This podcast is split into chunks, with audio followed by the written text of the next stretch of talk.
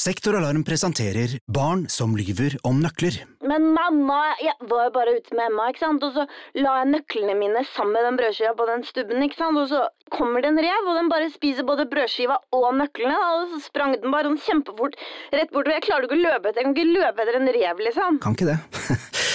Akkurat nå har Sektoralarm kampanje på boligalarm og dørlås med kode istedenfor nøkler, slik at barna alltid kommer hjem til en trygg bolig. Les mer på sektoralarm.no. Har du et enkeltpersonforetak eller en liten bedrift? Ikke det?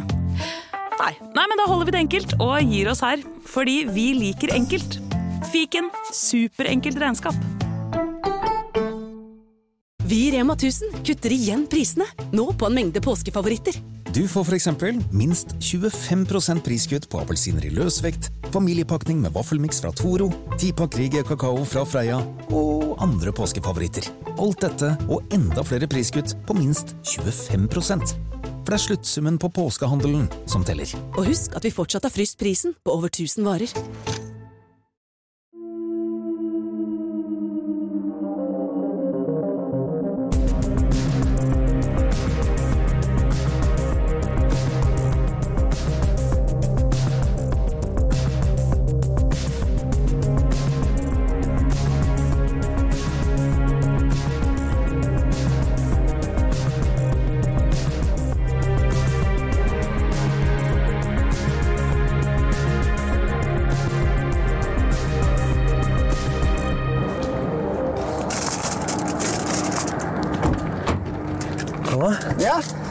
Klar for Eirik Jensen? Jeg er klar. Det. Hva er det der for noe? Har du med deg kake til Eirik Jensen? Det er en kake. Bakt kake? Hva skjer? Nei, det, det skal være sånn her loppmarked i barnehagen. Den ble sendt tilbake fra barnehagen. De ville ikke ha den. Det er sukker. Du får ikke lov å ha sukker i kaka? Nei, nei, det er sånn Oslo kommune. Det skal, de skal, de, du, har ikke lov lov å ha ha sukker i, i kakene. Men da tenkte du at det var en god idé å ta med til Eirik Jensen? Alle liker jo kaker. kake. Ja. Ok. Er ikke det hyggelig, da? Ja. Nei, nå må vi dra. Dette gleder jeg meg til. Ja. Fordi dette, bare så det er sagt, dette skal ikke handle om rettssaken. Det er ikke det det skal handle om. Nei? Den er jeg litt lei, skal jeg være helt ærlig. Jeg lei av det. Den tror jeg de aller fleste er litt lei. Ja. Den har jo blitt gjennomsnakka. Ja.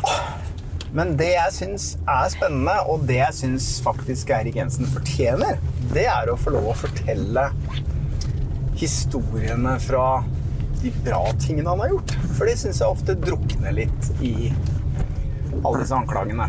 Det har det. De sier jo at Eirik Jensen var jo superpolitimann. Han hamla opp med MC-gjengene, han hamla opp med de pakistanske gjengene og med mer. Ja, han rydda opp skikkelig. Altså På 90-tallet så herja jo den nordiske MC-krigen. Altså Det var i Danmark, Sverige, Finland, Norge. Og det tok jo helt av. De skøyt hverandre. De brukte sånn eh, panservernraketter. De, I et tilfelle så hadde de putta sprengstoff i en barbermaskin, så hvis han hadde skrudd på barbermaskin, så hadde den blåst hele huet av seg.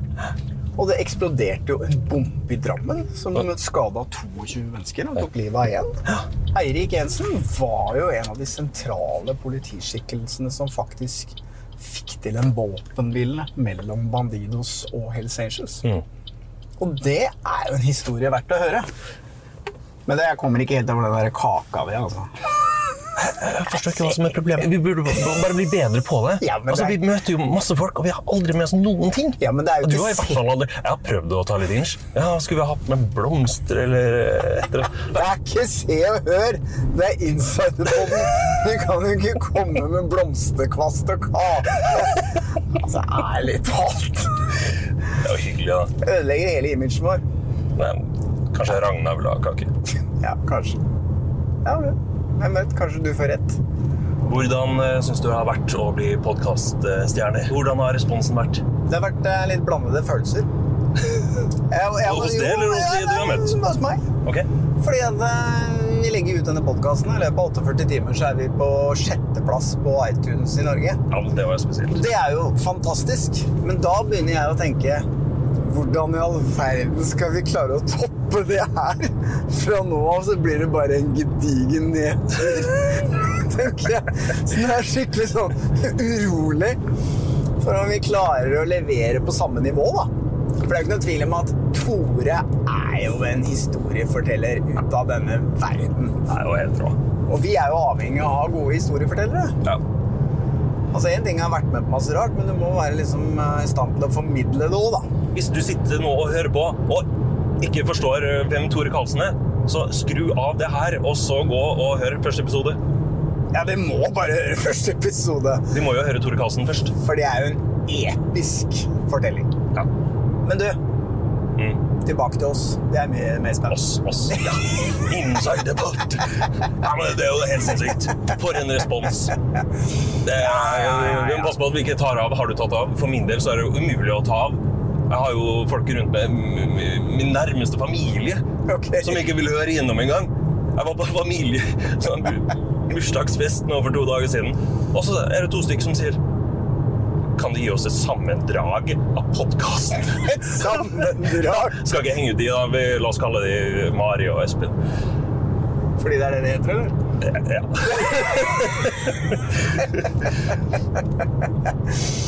Så jeg endte opp med å gi et sammendrag. da. En, en, bare en sånn ekstremt dårlig utgave av Tores uh, fortelling. Så de sa sånn ja, ok. Ja, men- De var ikke veldig imponert. Det er jo det samme som å skrive en bok. Og så gir du den boken, da. Og så sier du eh, Kan jeg få et sammendrag? Jeg Jeg, leser anmeldelsen. Det hopper med. Ja, jeg blitt oppriktig fornærma. Altså, hvis du ikke gidder å sette av en drøy time til å høre på det Nei, det, Din nærmeste familie jeg hadde bytta familie hvis jeg var der. jeg har prøvd flere ganger. Har ikke klart å komme vekk. Jeg skulle ta sånn her eh, allergimedisin. Vi skal ut på landet. Jeg er allergisk mot alt mulig. Han har hund. Det har jeg fått med meg. Ja. Det er sånn klassisk at plutselig dukker opp en katt der, og da er jeg ferdig. Jeg tror vi må stoppe å kjøpe noe sånn syrtek. Jeg tåler ikke syrtek. Ikke syrtek. Nei, jeg gjør ikke. Den som ikke gjør det, hva som skjer da? Nei, for at når det verste pollengreiene var nå i våres Jeg er egentlig ikke noe allergisk, men så kjente jeg at jeg ble tett i bihulene, for jeg ble veldig sånn svimmel og sånn. Da jeg reiste meg brått opp og Det er kanskje ikke sånn podkastvennlig å sitte og prate om allergi og sånn. Det er kjedelig. Det er kjedelig. Ja. Men herregud. Det er samme det. Du kan jo bare klippe ut det. Det er ikke noe verre enn Vi kan klippe det ut. Ja. Kommer ikke til å klippe ut. Men eh, det er jo sånn en podkast er. De sitter jo bare og Babler. Ja, ja, ja, men det pleier vi å gjøre òg, så det er helt vanlig. Så jeg håper det blir et hyggelig møte. Og eh, uansett eh, utfall av eh, rettssak, så bryr jeg meg ikke så mye om det. Det er ingen som kan ta fra Eirik Jensen at han har vært en markant skikkelse i norsk politi. Og at han har gjort veldig mye bra. Og gjort Oslo mye tryggere. Det skal bli spennende å høre mer om. For alle de tinga der fra gamle dager, det har rett og slett bare drukna bort. Når du gjør et søk på Eirik Jensen eh, nå på internett, det kommer bare opp om den saken. Det syns jeg egentlig er veldig trist. For det er ikke sånn at eh, det på mange måter skal bare nulle ut hele fortida di. Mm. Det syns jeg blir veldig feil. Ja. Altså, de hadde masse grove voldshendelser i Oslo som satte uskyldige i fare. Mm. Det var skyteepisoder. Altså, de fyrte løs på en søndag på Aker Brygge. Og, eh, og eh, ikke minst denne MC-krigen med bomber og skuddvekslinger og eh, Han var jo en av de personene som sørget for at dette ble borte. For at det forsvant. Mm. At det ble rolig. Tenk om vi nå kommer til Eirik Jensen, og du overlever denne praktverket av en kake. Og så sier de Inneholder den sukker? Kanskje han er på diett? Kanskje Han ikke spiser spiser ikke sukker? sukker? Nei. Da må du ljuge. Å, det blir kleint. Tenk hvis han ikke spiser kaka. Da må du lyve.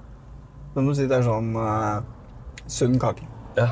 Stevia. Sånn Oslo kommune Sånn barnehagekake. kake. Sånn, mm. Laga bark og sagmugg og Hvis du skal ha litt søtt i den, så må det bli sånn søt potet. Eller banan. Det kan du ha. Du er lov Det, det er lov. Det er lov. Å, jeg er glad jeg ikke har barn i dag. Barnemishandler. Jeg kjørte jo den dietten din. Sånn eh, ikke spis før klokka fire. På 17. mai. Så vi var hjemme hos mora til Kristin. Så kom maten på bordet. Skikkelig trivelig. Jeg har fått instrukser fra min PT. Skal ikke spise før fire. Da var klokka sånn tre. Nei, men det som har vært eh, bra for meg, og det er jo at jeg eh, har jo i veldig mange år eh, trent og jobbet på, som personlig trener da, på Skulerud sportssenter, og det er et treningssenter hvor kropp og utseende, hvordan man ser ut, ikke betyr noen verdens ting. Så det er faktisk veldig fint med Skulderud sportssenter. Det Det det det her høres veldig ut som spons, og det har jeg ikke hørt et ord om. Så hvis du får noe perks eller noen sånne ting her, så vil jeg gjerne at du deler det. Nei, det det går rett i lomma mi. Jeg jeg vil gjerne ha en gratis PT-time eller et eller annet. jeg gjorde en deal bak ryggen. Ja, det er åpenbart. Når vi kommer opp dit, kan du ta den kaka, da? Nei! Du må jo det. Du må jo holde den der nei. båndspilleren. Nei, den kaka, den skal du få lov å over. Jeg kommer ikke med kake. Alle kan som kjenner meg, vet at det blir helt feil. Altså, jeg skal love deg at Hvis det kommer på podkasten at jeg kommer tråkkende med en kake til noen, da alle som kjenner meg, tenker at det her er bare sprøyt. Jeg tenker at altså, det, det er jo bare positivt. Det er jo hyggelig. Men jeg vet jo ikke om kaka smaker noe godt engang, så skal jeg få Ja, skylda det hvis den er jo ikke en er sånn god. der ferdig greie fra Toro. Ja, men jeg er sikker på at du har klart å ødelegge det. Det overrasker meg ikke det hele tatt. Men i hvert fall, når den kaka kommer på bordet, så skal ikke du sitte der sånn her Jeg skal ikke ha kake. Da skal du spise kake. Ja, men jeg, Du klarer det? Jeg er jo på slankekur. Nei, jeg spiser, spiser kake, jeg. Det er ikke noe å lure på det. Ja. Bare sånn at jeg ikke tror at det er noe gærent med den. Det er mange som eh, tror at jeg er litt sånn fanatisk i kostholdet, men det er jeg jo overhodet ikke. Jeg fikk jo mangelsjukdom. Stemmer det? Du måtte begynne med sånn her eh, folsyre. Det er jo sånn Nei, det var ikke bra, altså. Det er det samme som de tar de som prøver å bli gravid. Det er av eh, at jeg ikke er så veldig glad i brokkoli og salatblader. Så det har jeg styrt litt unna. Men nå er jeg blitt flinkere. Mm. Tvinger det i meg. Én kilometer. Tre kilometer. Én kilometer. Én kilometer. Ja, du stemmer. Nei, men faen, du kjørte feil vei. Nå er det 25 minutter igjen her. Ja, stemmer det. GPS-en min funka jo ikke helt. Ja, men innkjøringa må jo være Nei, ikke her, nei. Skjønner jeg ikke helt hvordan vi kommer oss dit, men uh, Vent da, La meg se på den der eh, GPS-en. To sekunder. Stopp, stopp, stopp. stopp. Jo, det var det der. Ja, selvfølgelig. Å, der kommer bikkja. En schæfer. Ja. Hei, hei. Ok, du går først. Nei, nå begynner han å biffe. Ok, er vi klare? Ok. Vil du ta kake eller stativ? Jeg tar stativ, du tar kaka. Okay. Du kan gi kaka til bikkja, så kanskje vi blir venner. Er Denne bikkja kommer til å rive kaka i fillebiter. For å glane på oss. Men nei, vi kan jo ikke gå inn den porten med den hunden. Den er sikkert litt på vakt. Det er ikke sikkert at hunden har blitt informert om at vi skal komme. Alle vet når insiderpodden er på vei. Selv bikkja. Kanskje vi skal ringe. Nei, men vi sa tolv. Ja. Hei, du! Ja. Passer du på? Ja, passer du på? Han slikker seg rundt munnen. Ja, passer du på? Hei, hei. Ja. Er de så flinke å passe på? Er de det? Ja. Hei. ja. Oi, Det er flere hunder her, ja. Ja. Ja. Vi tør ikke å gå inn.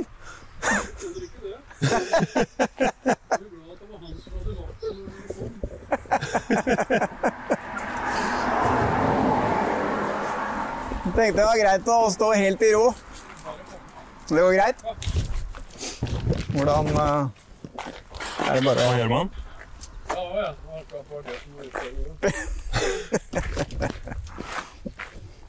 Hvor mange har du? Jeg har, eh, jeg har den, og så har vi en rottis eh, som sitter i bilen. For hadde den vært der, så, så hadde han hoppa over gjerdet. Du. Hei. Hva heter han her, da? han heter Polmer.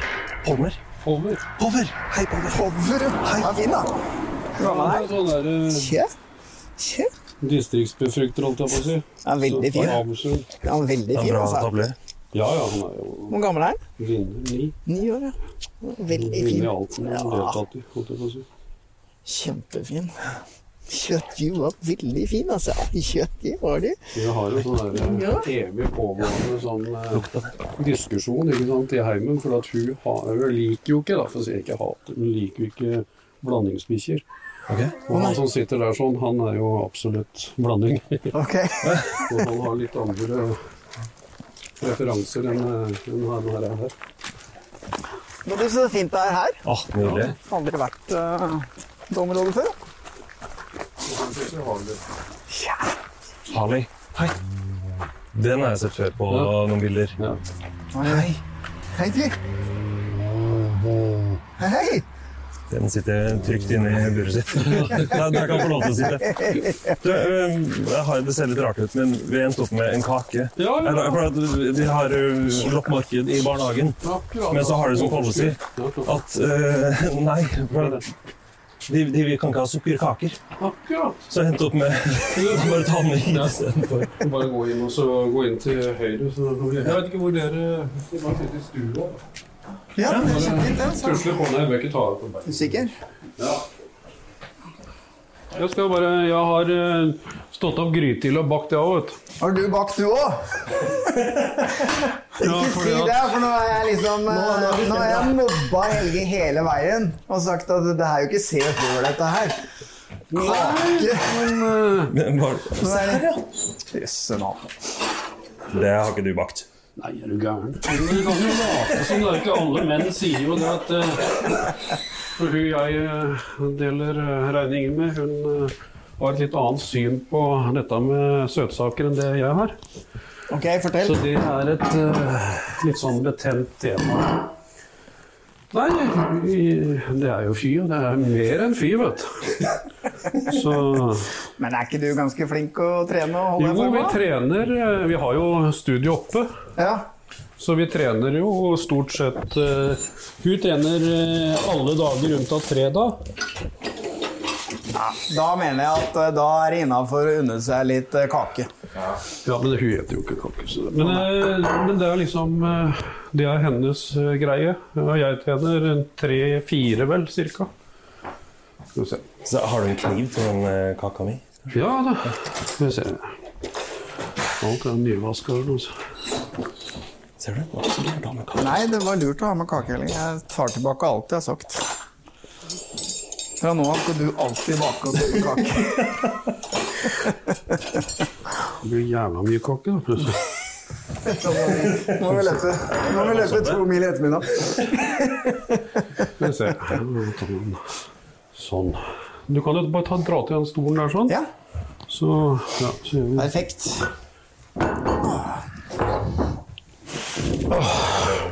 Der, det er bordet jeg har. Ja, det er igjen eh, da den oppe som driver og designer alt her. Så eh, heldigvis, jeg har liten innflytelse på hvordan det For det bordet her er 20 cm høyt. Ja, det er det. Men eh, har du lagd det selv? Ja, det er kappa bein og ordna det, så det Det er kult. Veldig kult. Ja, er japansk. Japansk stil. kan si det sånn. Nei, så Som sagt, eh, ja. Vi lever jo ganske stille og rolig her. Ja, det er vel ikke så mange nysgjerrige naboer her. Nei, det vet man jo ikke. Nei, det vet du aldri. Nei, det, det som er veldig fint med Hønefoss, det er det at uh, folk er jækla hyggelige her. Og det har jeg merka. Så det er jo innmari hyggelig. Når jeg stopper i butikken og uh, noen tusler rundt omkring og handler og sånn, så, så er det jo Det er jo gøy. Det er så hyggelig, da. Så det var jo litt annerledes i starten. Ikke sant? Det var ingen som Men da isolerte jeg meg ganske greit sjøl også. Men nå, nå er jo Vi trener, går turer med bikkjene og hva skal jeg si, har sånne småprosjekter som dette her. sånn, Både her og på dette torpet jeg har. Og, så vi driver noe med hele tida. Og hun driver med dette malegreiene sine. Og det er jo pluss illustrering for de magasinene som er igjen, som vil ha håndverk, holdt jeg på å si. Så Men det er kunst Ragna lever av? ja, ja, ja, ja. Ja. Så det, det, det er jo det klassiske, liksom sånn Det er bygd opp eh, på gammelt vis, da, med grunna lerret og lag på lag på lag på lag. på lag. Så det er et ordinært ø, oljemaleri. Og dette andre er jo eh, Hva skal jeg si Har liksom falt litt for sånne ikoniske damer, da. Ja, jeg ser Angelina ja, Jolie. ja, i de er veldig kule, da. Ja. Men jeg har jo hørt, fått fått med meg at du har vært og malt litt. Nei, ikke noe sånn. Nei, det har jeg ikke. Nei, nei. Jeg er bare hennes faste håndlanger. Jeg grunner alle lerreter. Og flyr i butikken og handler farver og pensler og, og, og så videre og. Og eksperimenterer med, med struktur på, på lerret og på plater. For det er liksom inn å bruke sånne MDF-plater og male på nå. Og det Bygningsplater. ja, sånne 6 mm Ja. som er evigvarende, og de er eh, og Da må det være en sånn spesiell struktur på, på, for å få ordentlig feste. Da. Og det er jo ikke helt enkelt å få til, så det står og banner mye ute her altså med, med sånn gessomaling og, for å få det til. Så det er liksom de små tinga vi driver på med. Så er det noen biler og noen motorsykler og litt sånn småtteri. Men Men skrivinga? ja, jeg har eh, Jeg har vel egentlig noe eh, på gang. Men det har liksom ikke kommet lenger enn til at man er, eh, man er liksom, Hodet er jo delt i tre-fire forskjellige deler nå. Ikke sant? Det ene er sak, det andre er eh, det dagligdagse her og, og, og trening og alt det der greiene. Og, og så er det jo det å bistå på den kunstbiten, slik at du øh, det blir automatisk sånn at du, du skaper en måte å, å få dagene til å gå på. Og da, ja, da, da må du liksom dele det opp, da. Mm. så men, eh, men jeg har jo veldig lyst til å både eh, kanskje lage noe på gjenghistorien i Oslo, sett fra innsiden. Altså med bekjempelsesstrategier og, og ja, litt historie hva han har opplevd med disse gutta. Og, og hvordan altså, altså Litt av de kriteriene som gjorde at det funka for oss, eh, det kunne vært artig å fått mellom eh, to permer. Det er jo ikke til å komme bort fra at eh, du har jo bidratt til å, å dempe konflikter og, og gjøre Oslo mye tryggere. På 90-tallet så raste jo MC-krigen, nordiske MC-krigen. Og det var jo ganske alvorlige greier. Da var det jo bomber som sprengte, og skuddepisoder, og folk ble drept, og Ja. mange uskyldige ble skadet. Så det som kunne vært veldig uh, morsomt å høre, da, det er liksom uh, hvordan, eh, hvordan du kom inn i det, og hvordan du jobbet med det, og, ta oss gjennom den historien. Det har i jeg veldig lyst til å høre, da. Nei, altså dette her eh, var jo sikkert litt tilfeldigheter. Vi har alltid hatt motorsykkelmiljøer i, i Norge. Eh, men eh, til dels relativt uskyldige sådanne. Eh, vi har aldri liksom hatt noen sånne rene sånne konfliktscenarioer. Men vi har hatt folk som har vært interessert i å kjøre motorsykler, og som har vært interessert i å feste, og som begynte å kjøre på kryss og tvers eh, eh, over hele landet og knytte forbindelser osv. Og, og da var det liksom ikke eh, i eh, terminologien 1% eller 99% eller liksom, Det var liksom ikke Det var liksom ikke greia. Det var alt det andre. Og, og det som utspant seg av konflikter, var jo gjerne sånne personlige ting som har skjedd i fylla et eller annet sted, hvor det smalt og ble litt liv i leiren. Men liksom, det blei liksom ikke noe mer enn det. Men eh, Etter hvert så, så ble det jo i Oslo eh, En av de store klubbene ble jo Rabis MC. Som på en måte tok noen skred, altså skritt videre. Altså etablerte Curibus oppe i Stålfjæra og eh, begynte vel med sånn eh, hva skal jeg si, nattklubbdrift etter stengetid nede i byen. ikke sant? Så kom jo festglade mennesker opp dit, og der var det jo fritt fram på alt. ikke sant? For dette var jo folk som var utrolig kreative. Eh, både når det gjaldt å skaffe drikkevarer og ja. De lagde et slags bygdelokale? Ja, det var et sånt Oslo bygdelokale. Alle dro jo etter å ha stengt i byen. Eh, Havna jo der oppe. Og da begynte man å Ja, akkurat, du har vært der du òg, ja. Jeg har aldri turt å si Men jeg husker jeg var der en gang. Har du vært med en sånn MC-gjeng? Nei, men jeg husker vi var på byen. Vi var en gjeng, og så husker jeg det liksom ble et forslag om å reise opp dit etter stengetid, for der var det servering, og, det, og jeg husker jeg var der. Men jeg husker jeg syns ikke det var noe hyggelig. Det husker jeg. Jeg syns, jeg syns det var litt sånn ekkelt, så jeg var ikke der så lenge. Hva kalte du det stedet? Hva heter Det det? lå oppe i Stålfjæra. Stålfjæra. Ja, Rabis. Rabis. Ja. Det er klubben? Ja. ja. Nei da, det var altså det, det var nok litt sånn. Altså, det var en del eh, hva skal jeg si, freske gutter. og Det var jo sånn machostil over miljøet. Altså, de hadde liksom dratt den litt videre. eh, og eh, var vel litt mer lettantennelige enn kanskje de som var ute på bygda.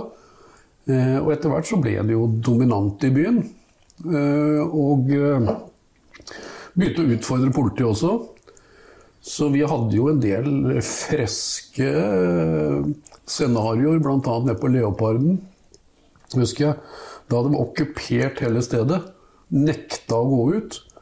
Eh, og da var, Jeg husker ikke hvor mange de var der inne, men eh, jeg husker jo at vi eh, hadde jo folk på utsida, og jeg husker vi gikk inn og så prata med dem, og det var ikke snakk om Da hadde de pælma noe ølglass i en svært speilglassrute bak baren der, og det sto rimelig skjelvende bartendere der og, og liksom hviska til oss da vi vil ha de ut. Og det blei jo litt baluba, og så fikk vi dem ut og fikk lempa dem inn i noen maier og kjørt dem inn. Eh, Og så var det jo bøtelegging og det vanlige. Og så gikk det vel et par helger til, og så plutselig var de på Ridderhallen. Og da hadde de tatt over hele det stedet på akkurat samme måten. Det var helt, de var helt konger. Så det ble jo et helvete, da. Og, og da husker jeg at eh, jeg bestemte meg for at jeg skulle hogge tak i han eh, presidenten eh, i Rabis der, for han sto jo liksom midt i alt der. Han er jo to meter, da. Og rimelig sinna når han eh, først eh, drar i gang. Så jeg husker jeg kom, jeg hadde langkølle. da. Og øh, måtte faktisk Han var ikke interessert i å gjøre som vi sa han. Han ville slåss. Jeg husker at han plutselig måtte ned i, i knestående, da, og da øh, hoppa på han og, og fikk den over på magen. Men han hadde så svære øh, håndledd at jeg fikk faen ikke hånd... øh, Unnskyld, hva heter det ikke? Jeg fikk ikke klavene rundt øh, håndleddet på han. Du fikk ikke på håndjern? Nei, nei. Og så lå på, jeg fikk armene bak på ryggen på han. da. Og så fikk jeg et par til å hjelpe meg å holde den nede. Men håndjerna de hadde for, for små. Og dermed så sant, jeg, jeg fikk en helt på ytterste Jeg hørte liksom at han eh, var like før han gikk i lås. ikke sant? Og så husker jeg jeg klemte til. Og så hørte jeg klikk. Da fikk jeg ett klikk, og det var helt ytterst på begge sider. Og eh, de der er jo ikke akkurat eh, Det er jo ikke morgenskjekknapper. Så de er liksom ikke lagd for å, å på en måte være behagelige å ha på seg. Og det huska han. Men eh, jeg traff jo mange ganger etter det, og det var jo en historie som han likte å fortelle òg, da. At da var det skikkelig Da var det en konge på haugen et lite øyeblikk. Og vi hadde jo alt det vi kunne samle av politiet i byen. Var jo, sto jo, vi kom jo ikke ned med alle sammen. Da, så det sto jo liksom folk i gangen, og det sto folk på utsida, og det sto lina opp med maier og greier. og Vi fikk dem inn denne gangen òg, da. Og akkurat det samme. Det ble jo noe anmeldelse for 127, og så blei det noe 326 på noen altså, som hindra oss, da. Og så var det jo eh, relativt saftige bøter, da. Og etter disse episodene eh, så fikk jeg eh, beskjed om eh, at jeg skulle ta kontakt med, med presidenten i klubben. Og så prøve å få satt noen grenser. Og det var ikke bare bare. Så det måtte tas opp på møter, og det var liksom en stor prosess det for å prate med politiet. Så de hadde allerede den kulturelle greia inne. da. Men eh, etter hvert så, så var medlemmene enige at ok, vi får gi dem en sjanse, da. Og så tok jeg med en kollega, og så dro vi opp der. Og det var, opp på klubbhuset på, i Stålfjord. Mm. Rabis. Rabis, ja. Og da var jo hele hurven samla, da. Og vi kjente jo de fleste igjen fra utallige eh, runder i, i byen. Eh, og da begynte vi å diskutere liksom eh, hvor går grensene, liksom. Altså hva kan vi akseptere, hva kan vi ikke akseptere. Og det er liksom litt av forløperen til det som fra 99 etter krigen ble dialogmodellen. At man begynte faktisk også fronte disse miljøene, og så sette grenser. Og så si at så langt Altså greit, dere, vi vet om nakkeklubbvirksomheten deres. Den kommer vi til å gjøre noe med, men selvfølgelig forteller ikke når og hvor og hvorledes. Men det er vi klar over. Og dere har disse høstbrølene, de der festene deres, og de krever jo politiets tillatelse. ikke sant? Kanskje vi skal bli enige om en sånn liten sånn balansegang i hvordan dere skal oppføre dere rundt omkring, spesielt i byen. Så blei det litt sånn ok, de var interessert i å ha festen sin. De var interessert i å ha utstilling av motorsykler og, og, og, så videre. Og da tror jeg var liksom da vi landa på at ok, eh, vi skal liksom dempe den aktiviteten med full fart i byen og sånn, sånn, sånn.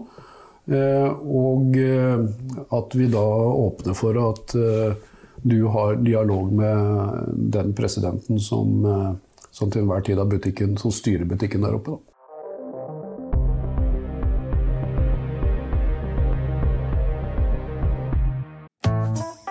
Har du et enkeltpersonforetak eller en liten bedrift? Ikke det? Nei. Nei, men da holder vi det enkelt og gir oss her. Fordi vi liker enkelt. Fiken superenkelt regnskap. Hadde du vært med på noe lignende som det her før, opp mot et annet miljø? At man satser ned og nærmest lager en liste over 'det her er greit', og det her Nei, det, liksom, dette, var jo, dette var jo forløperen. Altså, det var faktisk noe som ble praktisert før MC-krigen før de var over i den 1 %-verden, kan du si. For der er jo helt eh, Det er no contact med politiet normalt sett. Men her, liksom de gutta som var med i Rabis, veldig mange av disse gikk jo videre til 1 %-klubber etterpå. Så det vil si at den eh, hva skal jeg si, kontakten og den dialogen du etablerte på denne måten ved faktisk å oppsøke de, få det klarert, sette deg ned, ta kaffekoppen og ta de timene, det gjorde sitt til at vi kunne også starte prosessen etter 99 på samme måten. Fordi at de huska jo at dette var faktisk ganske greit. Altså de aksepterte det, aksepterte ikke det og ikke det. Pluss at vi da vi tok de for alt det straffbare vi kunne ta dem for. Og de drev og slakta mye motorsykler, og det var ikke måte på. Og vi slo til der nede og taua ned en haug med rammer, og det var liksom veldig inn i den tiden. Å trikse med rammer og sånt på, på syklene. Så, og motornummer og sånt noe. Og det, det, gjorde vi kontinuerlig. Men det var en part of the game, så det var helt greit. Fordi at vi hadde lagd en sånn, eh, på en måte en plattform å jobbe ut ifra, hvor vi hadde satt grensene. Men hvordan var det å forhandle med, da?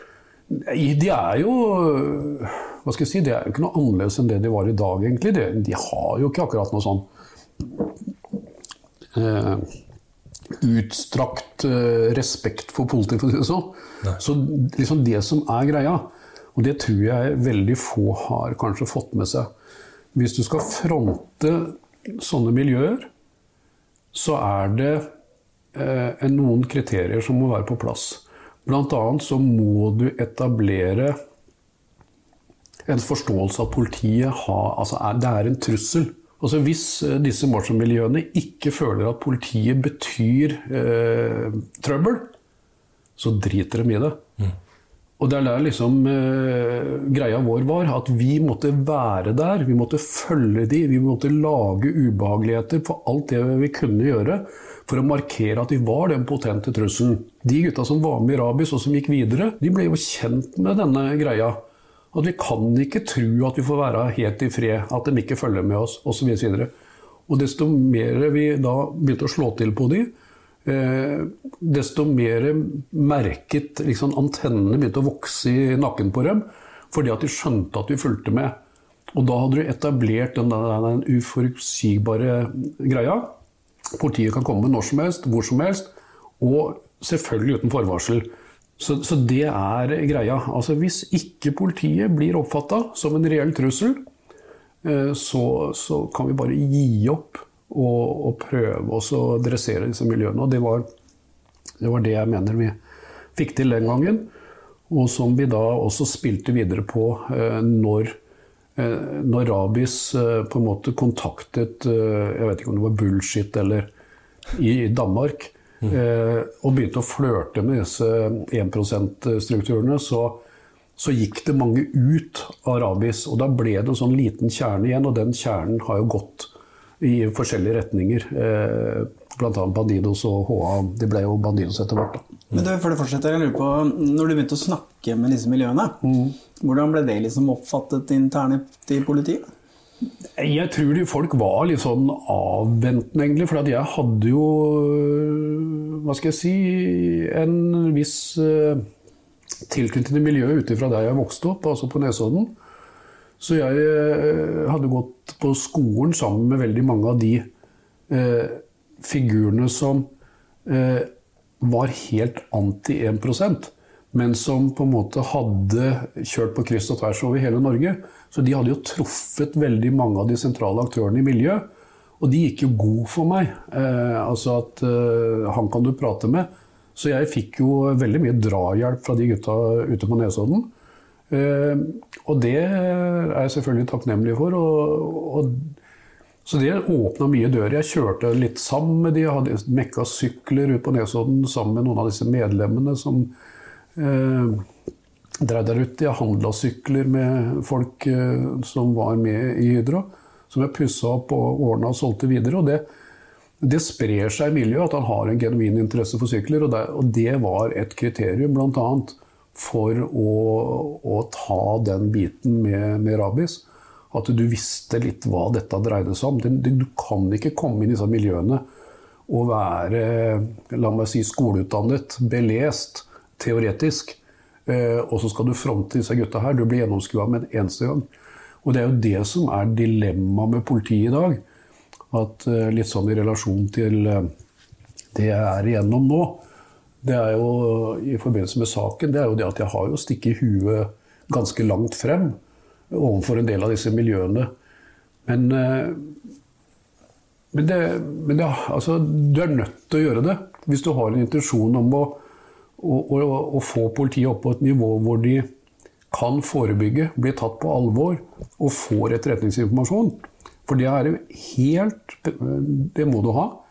For du må bruke den informasjonen, de dryppene du får rundt omkring, i en sånn kaffesituasjon som dette, hvor du kanskje kan si det at ja, det der å kjøre shotgun på, på lastebilene til han NN, det gir vel en ganske bra inntekt. Vi får ikke gjort noe med det, for vi, vi, vet jo ikke når og hvor og hvor, men vi vet at de gjør det. Og bare det at vi sier det, er nok til at det røkker i øyebryna til han presidenten. ikke sant? Og da blir han plutselig veldig lydhør. Og Det er det samme du gjør med gjengfolk også. At det er mye informasjon du får ved å fronte de slik som vi snakker om nå. Ut i miljøet, prate med de, ta kaffekoppen og, og kanskje sette skapet. Og, og, så bruker de disse stikkpillene hele tiden som du får fra kilder og informanter rundt omkring. Når du vet at dette kan jeg ikke bruke til å starte sak, men jeg kan kile dem under beina, så de blir utrygge. Og da får du den uforutsigbarheten som gjør at de blir usikre, og da er det plutselig på, på det nivået at du blir en trussel. For du, du veit noe du egentlig ikke skal vite. Politiet veit noe de ikke skal vite.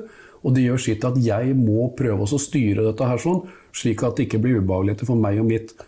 Og så begynner de å ta signaler, og da kan du begynne å forhandle om hvordan du skal ha det, og, og hva som er akseptabel, ikke akseptabel atferd.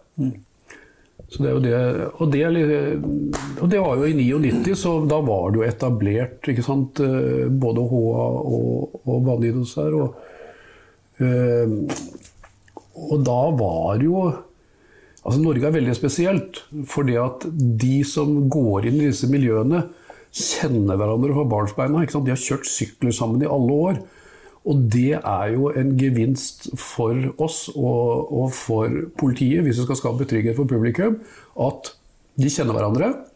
De vil egentlig ikke eh, fronte hverandre. Eh, fordi at de, som sagt, de har hatt så mye relasjoner. Og det spiller vi på når vi sitter og forhandler. Så vi har aldri noe, hatt noe sånn kjempekonflikter mellom Bandidos og HA i Oslo. Eh, og det er fordi at de kjenner hverandre, eh, pluss at man eh, greide også å forhandle seg fram til en avtale hvor politiet hadde én rød telefon til hver av presidentene i klubbene. Slik at vi kunne ringe de, be om møte, og vi kunne stoppe ting på telefon og be om møte.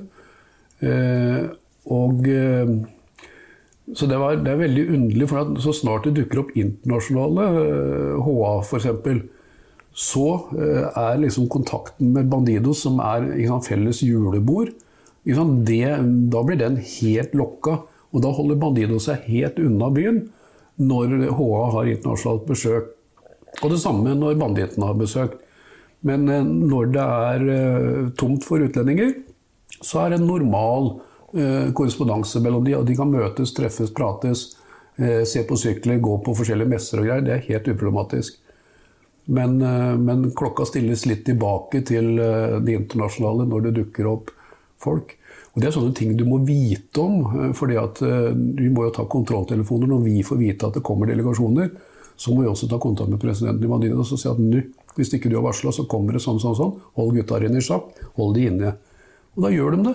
Det spesielle med disse to fraksjonene, at de styres jo for forskjellige hold. De, de, de er jo selvstyrende i Oslo, men signalene kommer ofte utenifra. Eh, Fra både moderchaptere og fra mm, miljøer eh, internt i Bandidos som er høyere rangert, sånn som Europapresidenten og osv. De, de gir jo meldinger på hvordan sine skal forholde seg til de andre når det er konflikt. Eh, og det, det var vel det som skjedde her også. Og etter hvert så eskalerte det. Og det, vi har jo skyteepisodene, vi har drapene, Steinberg, vi har, eh, vi har bomba i Drammen. Ja, for den bomba i Drammen, vi må liksom bare ta den. Mm. Det var Bandido sine lokaler, var det sånn? Ja. Mhm. Og det ble plassert en uh, type gjødselbombe utafor. Ja. Mm. Som gikk av og skada 22 mennesker, var det det? Ja, det var i hvert fall eh, mye skader, og inn i granskauen med materielle skader. Og så røyk det jo en uh, dame, tror jeg det var, på en Ja. buss som kjørte forbi der. Fikk jeg faktisk en, en mail fra. Ok. En takk. Uh, fordi at vi, vi fant jo Eller vi løste saken, da. Og det betydde visst veldig mye for den eh, familien. Så det var jækla hyggelig. Men det må jo ha vært et uh, sjokk, liksom. Jeg mener, det var ikke vanlig Det var ikke, at nei, eh, det, er, det, det ble akkurat? Det var, sant? Vi fikk Breivik i ettertid, og, og alt hva det medførte. Eh, Men på det tidspunktet også så var jo dette like eh, uventet eh, og kunne gått utrolig gærent. Mer enn det som skjedde. Altså det materielle og de skadene, det er greit nok. Altså. Men, og ett menneskeliv, det er en tragedie i seg selv. Og det er jo det vi brukte som argumentasjonen når vi eh, Jeg kan kanskje bruke begrepet 'finta de ut', eh, med en litt sånn uh, utradisjonell løsning. Så husker jeg, for da, da fikk jeg i oppdrag også For da jeg hadde jo litt kjennskap, eller dialog med dem. Så, så jeg satt jo på et møte med representanter for HA, og da var de jo lynforbanna. Eh, og det husker jeg jeg sa, at ok, vi snur litt på hodet. Du er med i en klubb, eh, eh, og du vet jo alle kodekser. Du er liksom sånn og sånn og sånn. eh, Hva som gjelder. Eh, og så har du en søster som kjører nattbussen hjem fra byen. Og som kjører for en eh, plutselig tilfeldig forbi en bil som sier bang. Og så er hun død. Eh, hvordan vil du respondere på det? Hva vil du gjøre for å komme til bunns i hva som skjedde? Hvor langt var du villig til å gå for å finne gjerningsmannen? Og, og etter den greia der, så gikk det litt slag i slag. Da, da greide vi oss å Brukte jo nesten fem år da, på å etablere en kontakt med, med, med HA. Men den ble også veldig nyttig. Fordi at du, liksom, du hadde jo eh, tilgang på informasjon om ting som skjedde. Du kunne ta den telefonen til presidenten og si at hør nå her. Og det samme til Bandido. Så hadde du liksom kontroll på begge to.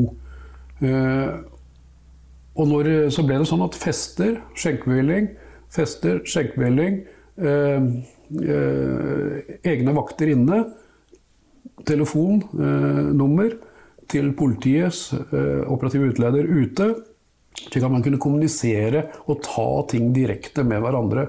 Det var helt greit. Eh, men det var, jeg husker det var en gang da, da hadde jeg, tror jeg, jeg glapp litt.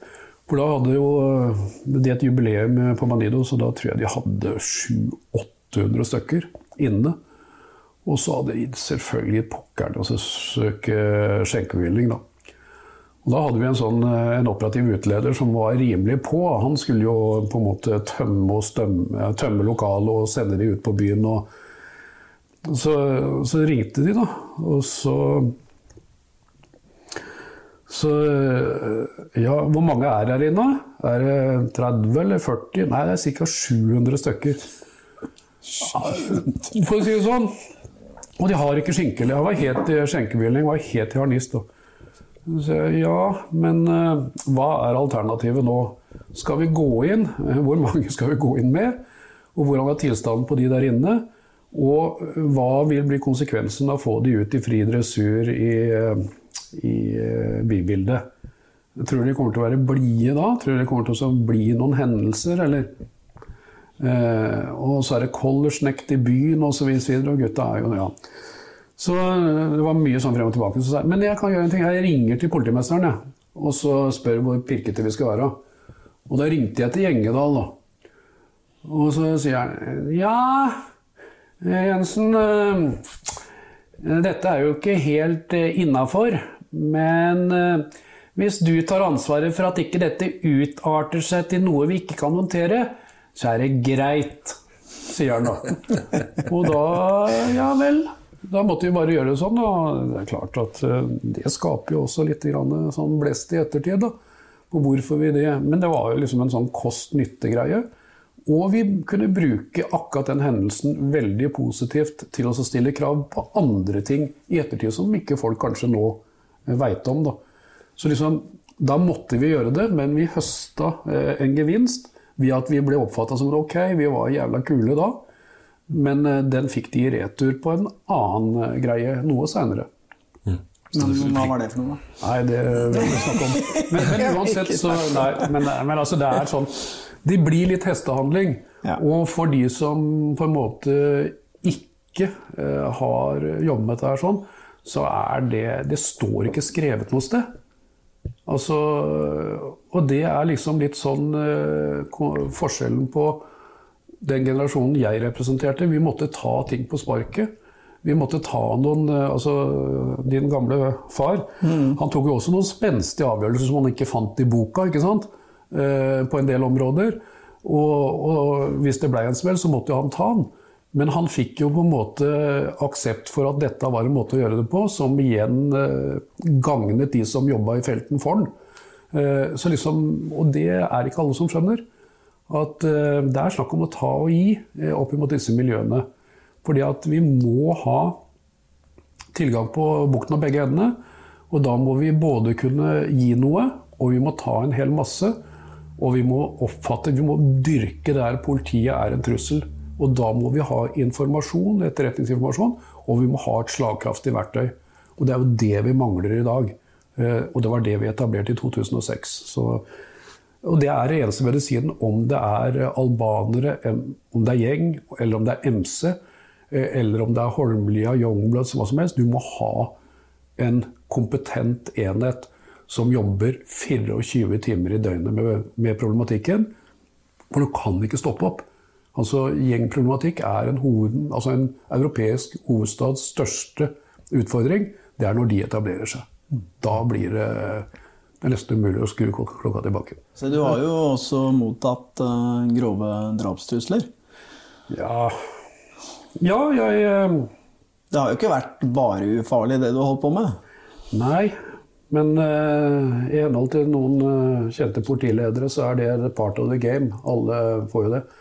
Men jeg har jo fått noen, og det Og jeg har jo tatt mine forhåndsatninger i forbindelse med det. Eh, men jeg har en litt artig episode. fordi eh, vi jobba jo opp mot et spritmiljø som var ganske heftig en periode. Eh, og der var det noen som røyk i buret og tapte svære verdier. Og han var lynforbanna på politiet.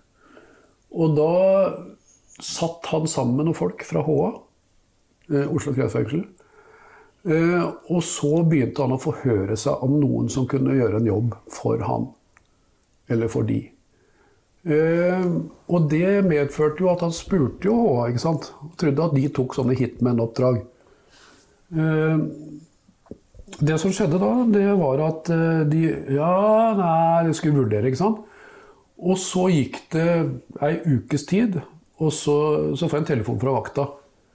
Eh, det, det, står to eh, litt sånn Man kan ikke lugubre, men litt sånn rufsete folk her og spør etter deg, ikke sant? Ja vel. Så jeg bare heiv på meg jakka, så dro jeg ned og så, så med en gang hvem det var. Og så du, vi må prate med deg. Ja, det kan vi gjøre. Hvor skal vi? Nei, vi går, vi går bak politihuset med gressplenen. Ja, og så fortalte han ene, han var jo høyt oppe i systemet, at du, du må passe deg litt. Ja, øh, hva er det for noe nå? Nei, det er en øh, person som har tatt kontakt med oss og tilbudt oss 250 000 for å ta det. Øh, det kommer vi ikke til å gjøre. Selvfølgelig gjør vi ikke det. Men vi syns det er riktig at du veit om det. Og vi gjør ikke sånne jobber. Så ok. Og det er liksom Og da tenker jeg tilbake på alle de kaffekoppene, alle de timene jeg sitter og prater med disse folka. Så får du en sånn en. Eh, og det gjorde jo liksom eh, Og så blir du beskyldt for det at du er for mjuk i knærne, du er sånn og sånn overfor de miljøene. Men faktisk, jeg har litt respekt for de, fordi at hadde du Altså den relasjonen jeg hadde til dem, det var jo rimelig profesjonelt. Og det var ta og gi, og det var tøffe toner, sånn og sånn. sånn. Men den gesten der sånn, den gjorde jo sitt til at jeg også tok de litt i forsvar når det gjaldt en del sånne stigmatiserende påstander. sånn og sånn, sånn, sånn. Men problemet er at det er ingen som visste om den hendelsen der eh, internt, og kun noen få. Eh, og, og, det er klart at eh, du kan jo ikke unnlate å bli påvirka av den biten. Altså at du får en sånn informasjon, du får et forvarsel, og du får det fra et miljø som er liksom samfunnsfiende nummer én. Eh, og det gjorde jo sitt til at jeg også blei jo litt sånn Faen, det var uh, greier. Og så tok jeg liksom konsekvensen av det. Men, men ja, det er sånne ting som gjør at du, du kan ikke bare trekke en konklusjon at dette er verdens verste. I enkelte situasjoner ja. I andre land ja. Men i Norge så fins det faktisk en viss form for eh, etisk tankegang og noen kodekser. Eh, de vil aldri ha en sånn krig med politifolk, sånn som i Sverige. Eh, hvor de liksom har strukket strikken helt ut med, med håndgranater i bil. Ringer inn, den bilen er i ferd med å bli stjålet. To hundefolk rykker ut, åpner døra for å se inn i bilen. drar av Det ruller ut en håndgranat. Bang! Invalidisert for hele livet. Liksom ikke, jeg har liksom ikke greid å få den følelsen at intensjonene ligger på det nivå, fordi at vi har den andre i bånn. Kommunikasjonen, dialogen, avklarte rammer. Slik at, eh, så det var nok medvirkende til at jeg også har vært litt kanskje vel positiv til de miljøene. fordi jeg har følt at det går an å prate med dem og få til stort sett det vi vil. Og det har jeg altså da videreført eh, i andre tankesett. Men, eh, men så de, de MC-miljøene Nå er det jo liksom utskifting der. Det kommer mye yngre folk, eller det kommer en del yngre folk. Og det er min bekymring, at den kulturen som vi etablerte med den dialogen, respekten, gjensidig sånn som, den får ikke de unge inn med morsmelka lenger, for det er ingen som jobber sånn lenger. Så nå blir det heller det konfrontative. Det er lettere å få en fiende, en ung fiende i et kriminelt miljø. Eh, eller da, jeg skal ikke stigmatisere, men i MC-miljøet kan du heller få en fiende istedenfor å få en som arver en viss forståelse at disse må vi på en måte ha en fornuftig greie med. Eh, hvis det ikke er andre som jobber på den måten. For da dør den der eh, kulturen ut. Og så blir det bare sånn. Og den, den kan ikke politiet vinne på sikt. Ja, for det er jo ganske unikt at uh, ja, en klubb som Hells Angels, da, de, du har såpass mye respekt hos dem at de kommer til deg og advarer om at noen prøver å ønsker å ta livet av deg. Det er jo ganske unikt. Ja. Det er jo dialogmodellen som har redda livet ditt i den episoden? Kanskje? Ja, altså jeg tror nok at det er, heller er de fair play-reglene vi praktiserte. At uh, dette var en måte å signalisere at de også kan være fair play. Uh, og det er klart at jeg har brukt den i mitt hode for å sørge for å ivareta samme metodikken. For det er et argument som, som kun noen få uh, vet om den hendelsen der. Og som jeg sier, når du kan erfare noe sånt nå, og du kan også ringe opp uh, få et møte sånn og ta opp uh, litt sånn uh, grinete ting. Vi, jo, vi hadde jo faste dialogmøter med HA i lokalene våre nede i Grønlandsherre 25. Hvor vi kjøpte kaker og sånn og sånn. Og sånn hvor vi liksom gikk gjennom forskjellige agendaer. Og så blei vi enige. Skrev referat, leverte til politimesteren. Dette har vi snakket om. Dette er det som kommer til å skje. Sånn og sånn. og sånn. Slik at og det er Jeg kan ikke si at jeg har hørt om noen andre politiledere som har hatt noe lignende. Nei, men altså, kake, der kan du se, Helge. Ingen som har rørt en kaka. kaka. Vi må jo må ta prøve den kaka di, da. Den har jo du stått Du brukte vel en time på den kaka di, du Denne her, den, eh, Ja, det, det ble voldsomt. Jeg tror den er ganske mektig. det, jeg ser at den er innsukket på midten. Det blir med folk etter å ha spist den nå, tenker jeg. Og da får jeg kjeft av hun der oppe i annen etasje. Fy faen, hvordan skal du få ut denne formen av det? Du må Jeg har vinkelslipper. Tror ikke du skal Få sende klage til Toro. Det greiene her. Der, ja. Nå er han mektig. Ja, og Sæker. Men da kan du se, til og med HA var eh, svake for eh, kaker. Ja, Så du, eh, gratis. fra nå av så blir det sånn fast innslag når vi skal ut, så må du bake kaker. Da. Jeg lo av han hele veien fra Oslo, vet du. Ja, det kan du skjønne. Men han var tøff nok til å komme og vise den fram, da. Han var det.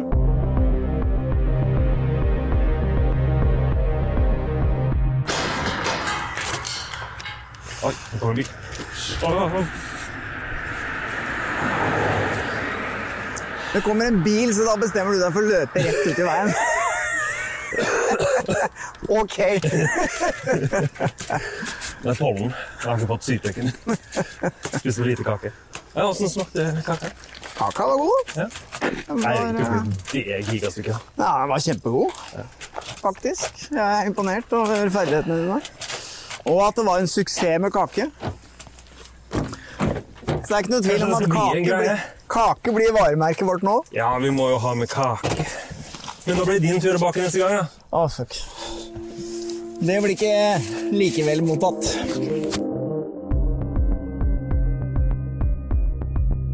Avhørt er produsert av Batong Media, og all musikk er laget av Georg Roaas. For å komme i kontakt med oss, gå inn på Facebook-siden Batong Media.